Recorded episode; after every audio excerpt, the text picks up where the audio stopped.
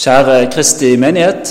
Nåde være med dere og fred fra Gud vår Far og Herren Jesus Kristus. La oss be. Ja, himmelske Far, vi takker for at vi får samles på Maria budskapsdag og får høre evangeliet. Og vi ber nå, Herre, at du åpner ordet med Den hellige ånd, så vi kan følge Jesus alle våre dager. I Jesu navn. Amen.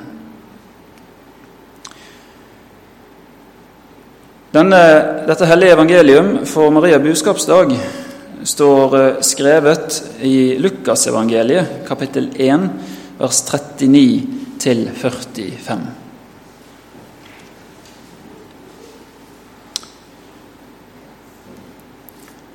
Men, da, men Maria brøt opp i de dager og skyndte seg til fjellbygdene, til en by i Juda. Hun kom inn i Zakarias hus og hilste på Elisabeth.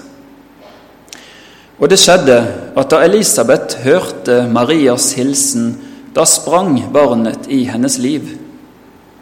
Elisabeth ble fylt med Den hellige ånd. Hun ropte med høy røst og sa:" Velsignet er du blant kvinner, og velsignet er frukten av ditt mors liv. Hvordan kan dette hende meg, at min Herres mor kommer til meg? For se, da lyden av din hilsen nådde mitt øre, sprang barnet i mitt liv av fryd. Salig er hun som trodde, for fullbyrdet skal det bli som er sagt henne av Herren. Dette var ordene dine, Hellige Far. Hellige oss i sannheten. Ditt ord er sannhet.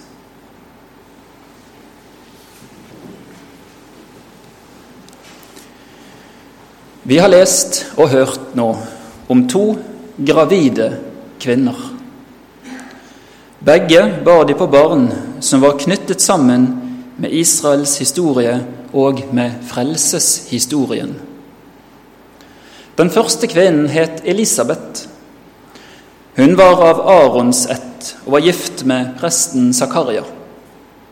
Lukas forteller at Elisabeth og Zakaria var rettferdige for Gud og levde uklanderlig etter alle Herrens bud og forskrifter.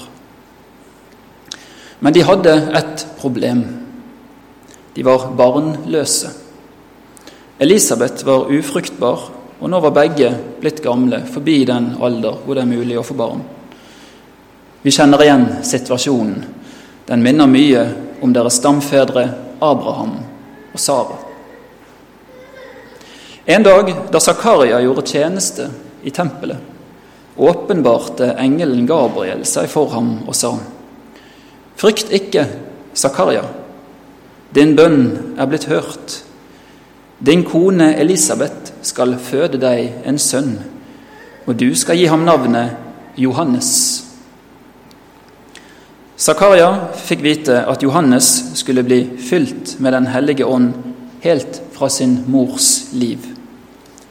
Han skulle gå frem i samme ånd og kraft som Elia.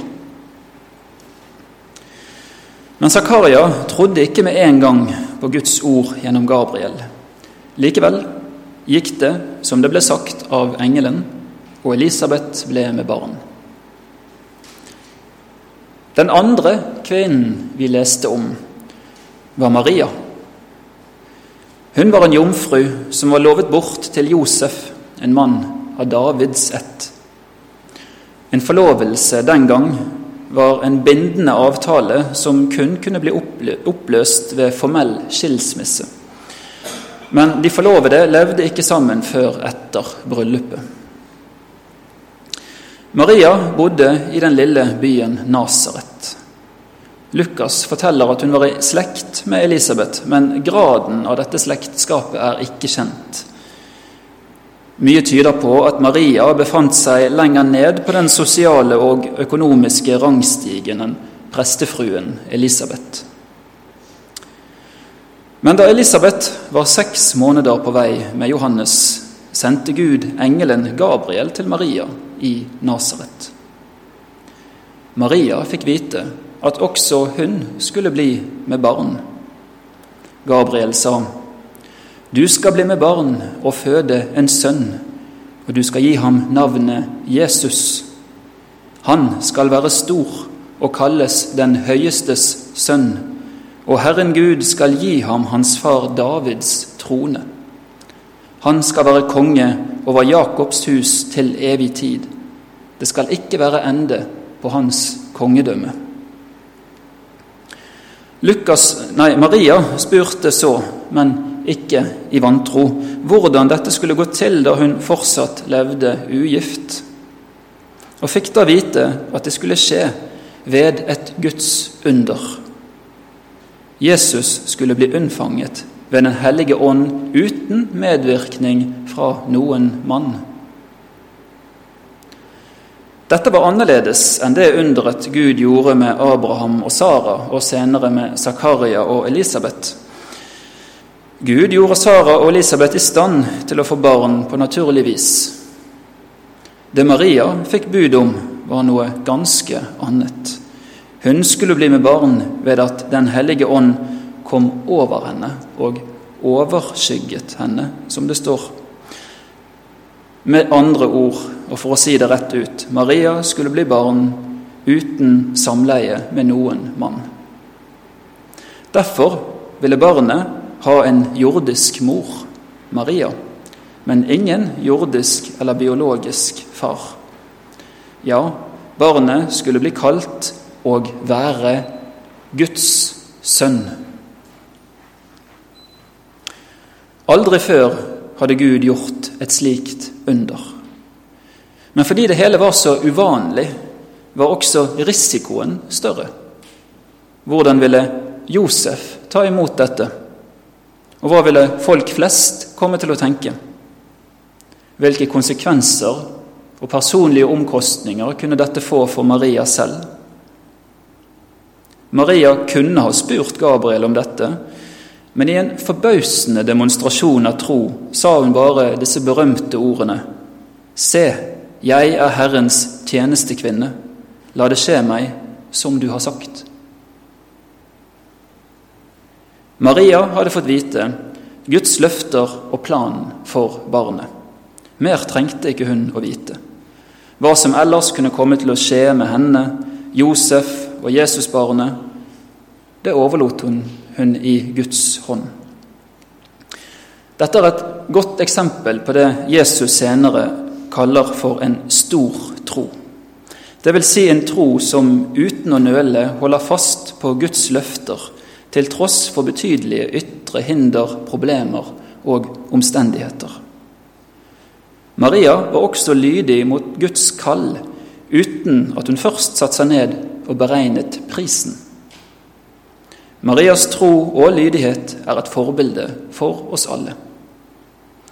Ikke forstå det slik at bare en stor tro er en frelsende tro, for også en svak og anfektet tro mottar løftet om syndenes forlatelse for Jesus skyld. Men vi skal merke oss de bibelske forbilder som Maria, og følge etter dem i deres tro. To kvinner to løfter og to barn. I dagens prekentekst så løper disse to historiene sammen og møter hverandre. Etter at hun mottok Gabriels bud, dro nemlig Maria til Elisabeth, som da var i sjette måned av sitt svangerskap. Zakaria og Elisabeth bodde på landsbygden utenfor Jerusalem, slik det var vanlig for prester. Maria kom inn i Zakarias hus og hilste på Elisabeth. Da skjedde det noe underlig, noe som var virket av Den hellige ånd.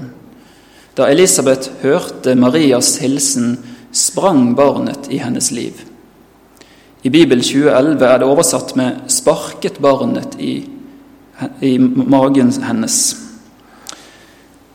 Det er som kjent ikke uvanlig at et foster kan bevege seg i livmoren. Men det er tydelig at Johannes' bevegelse ved denne anledning var særlig merkbar og hadde en annen årsak.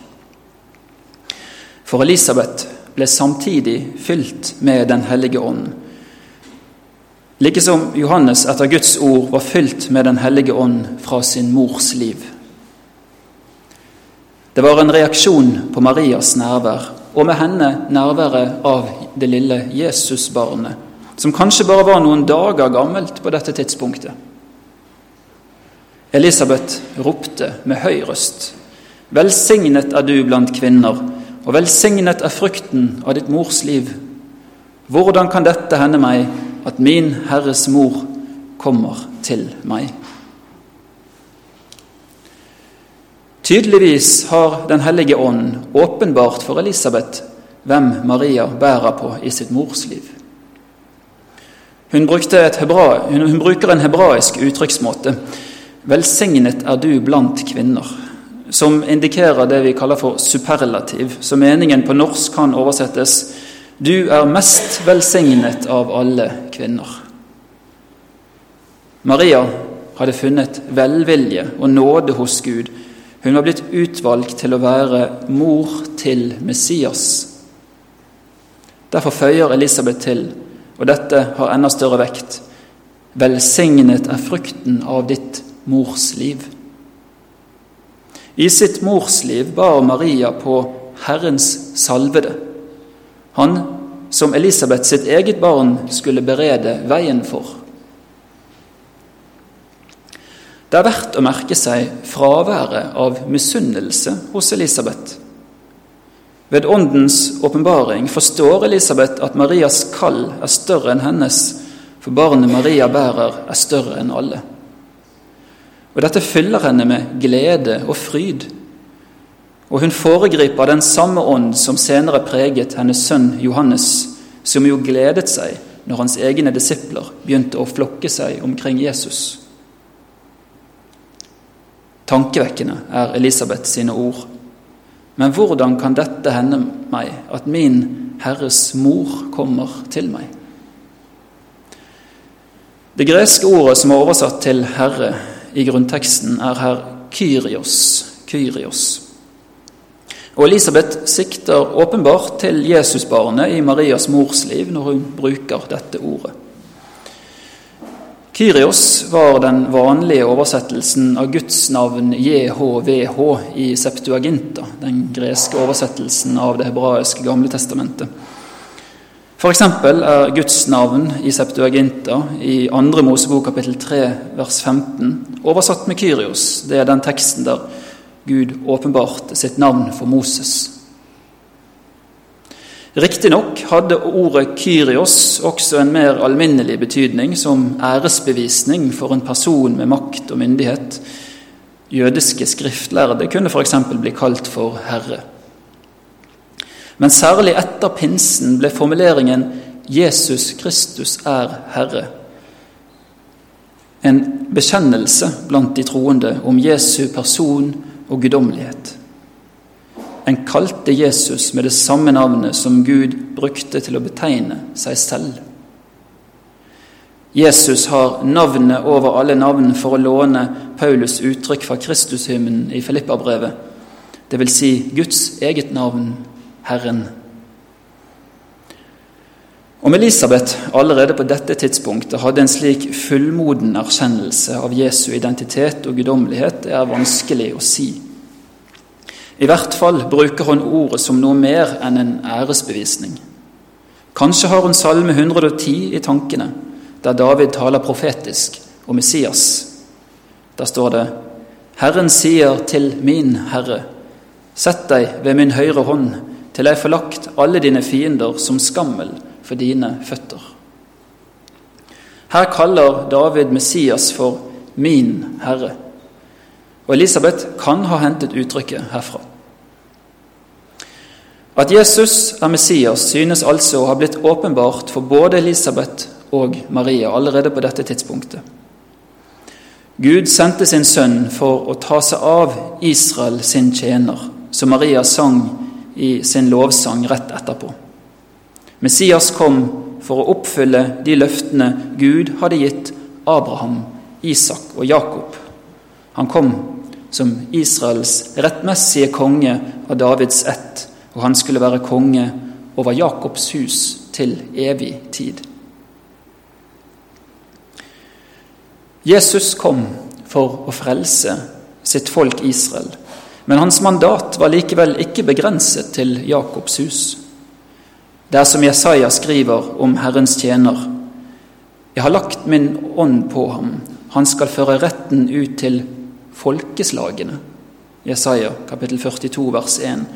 Og en stund etterpå, i den første sangen om Herrens tjener i kapittel 49, det er for lite at du er min tjener som skal gjenreise Jakobs stammer og føre de bevarte av Israel tilbake. Jeg gjør deg til et lys for folkeslag, så min frelse kan nå til jordens ender. Derfor ble det åpenbart for apostlene at også hedningene er medarvinger. De har del i løftet til Kristus og blir innpodet i Guds folk. Derfor er vi her i dag. Gud åpnet frelsens dør for hedningefolkene, for oss. For Gud er ikke bare jøders Gud, han er også hedningers Gud, som Paulus skriver i Romerbrevet kapittel 3. Vi har fått del i frelsens løfter ved troen på Jesus Messias. At Jesus er Herren, betyr altså at han er Messias. Men uavhengig av graden av Elisabeth sin erkjennelse av Jesu person, så kan vi dvele videre ved dybden av det ordet hun brukte om Jesus. Jesus er Herren. Han som alle ting er skapt ved, ble et foster, et menneskeliv, i en kvinnes livmor. Den hellige ånd overskygget Maria, så hun unnfanget en sønn. Guds evige sønn tok på seg kjøtt og blod. Teologen Aksel Valen Senstad sa treffende om dette. Her er det tale om at den uskapte går inn i det skapte. Han kom for å frelse, slik engelen åpenbarte for Josef i en drøm. Du skal gi ham navnet Jesus for han skal frelse sitt folk fra deres synder. Og siden vi i Kristus har fått del i disse løftene, kom han også for å frelse oss fra våre synder. For hvem andre enn Herren kan overvinne en slik fiende som synden? Den uskapte gikk inn i det skapte for å frelse falne skapninger. Derfor kan også vi glede oss med Maria, Min sjel opphøyer Herren, og min ånd fryder seg i Gud, min frelser, for han har sett til sin tjenestekvinne i hennes fattigdom. Gud har sett til oss i vår fattigdom, ja, i vår synd, og bøyd seg ned til oss da Guds sønn tok på seg en tjenerskikkelse for å frelse oss gjennom lidelser. To kvinner, to løfter, to barn eller to foster. Det ene fosteret var seks måneder gammelt. Det andre trolig bare noen dager gammelt. De omtales i teksten uten forbehold som personer. Johannes var ennå ikke født, men reagerte i ånden med fryd på, hans, på at Hans Herre var nær. Jesus var bare noen dager gammel, men han var likevel Herren. Dette er Bibelens virkelighetsforståelse, så likefrem og selvsagt. Slik tenker man ikke i verden i dag. Jeg skal ikke bruke mange ord om dette, for dette er en festdag i kirkeåret og skal forbli det. Men jeg kan ikke la dette temaet gå forbi i stillhet med en slik tekst som vi har i dag. Mennesker har nemlig funnet på en stor urett. De dreper barn i mors liv hvis det ikke synes at det passer å få barn, eller hvis barnet ikke er planlagt, som de sier. De vil ikke selv gå med på at dette er drap, for de har fratatt fosteret personlighet med upersonlige begreper som celleklump eller embryo. Eventuelt forsvarer de mordet i stor blindhet som barmhjertighet. Løgnens makt er stor. Det er kanskje ikke noen overraskelse at verdens barn kan tenke og handle på denne måten. De vandrer, for å sitere Paulus i Efeserbrevet i kapittel 2, på denne verdens vis etter høvdingen over luftens makter, altså djevelen. Djevelen er både en løgner og en morder, og han driver mennesker til både løgn og mord. Men dere har han gjort levende ved troen på Jesus. Derfor skal dere ikke la dere lede av verden, men følge vår Herre og Mester Jesus Kristus. Dette utelukker å følge verden i dens blindhet. La oss heller ha Maria som forbilde i hennes tro og lydighet. Jeg føyer til at selv om abort er en stor synd, er det ikke dermed sagt at det ikke er tilgivelse å få. Guds sønn tok jo på seg kjøtt og blod for å sone verdens synder, som Johannes sier, også synd mot femte bud og sjette bud. David er jo et bibelsk eksempel på dette, for han brøt begge disse budene i stor skala, og han fikk tilgivelse. Men problemet i dag er at mennesker nekter å gå med på at dette er synd, og de tar anstøt og føler seg krenket hvis noen sier at det er det. Det er som om David hadde jaget Natan på dør når han kom med ordene fra Gud. Dermed blir mennesker hindret fra å vende om og søke syndenes forlatelse. Jeg føyer også til at skylden for abort ikke bare ligger hos kvinnen. Bak de fleste aborter står en uansvarlig mann som ikke forholder seg til sjette bud. Ofte ligger trolig størsteparten av skylden på mannen, for det er som regel de som tar initiativ og er den sterke part i relasjonen. Men jeg rekker ikke i dag å ta med alle nyanser i denne ulykkelige saken. Vi er kalt til å gå en annen vei. For Maria og Elisabeth var trolig hele tanken på abort noe fremmed. De bar i sine liv Guds frelsesplan, forløperen veirydderen og frelseren. De var lydige i sine kall og redskaper for Guds mysterium.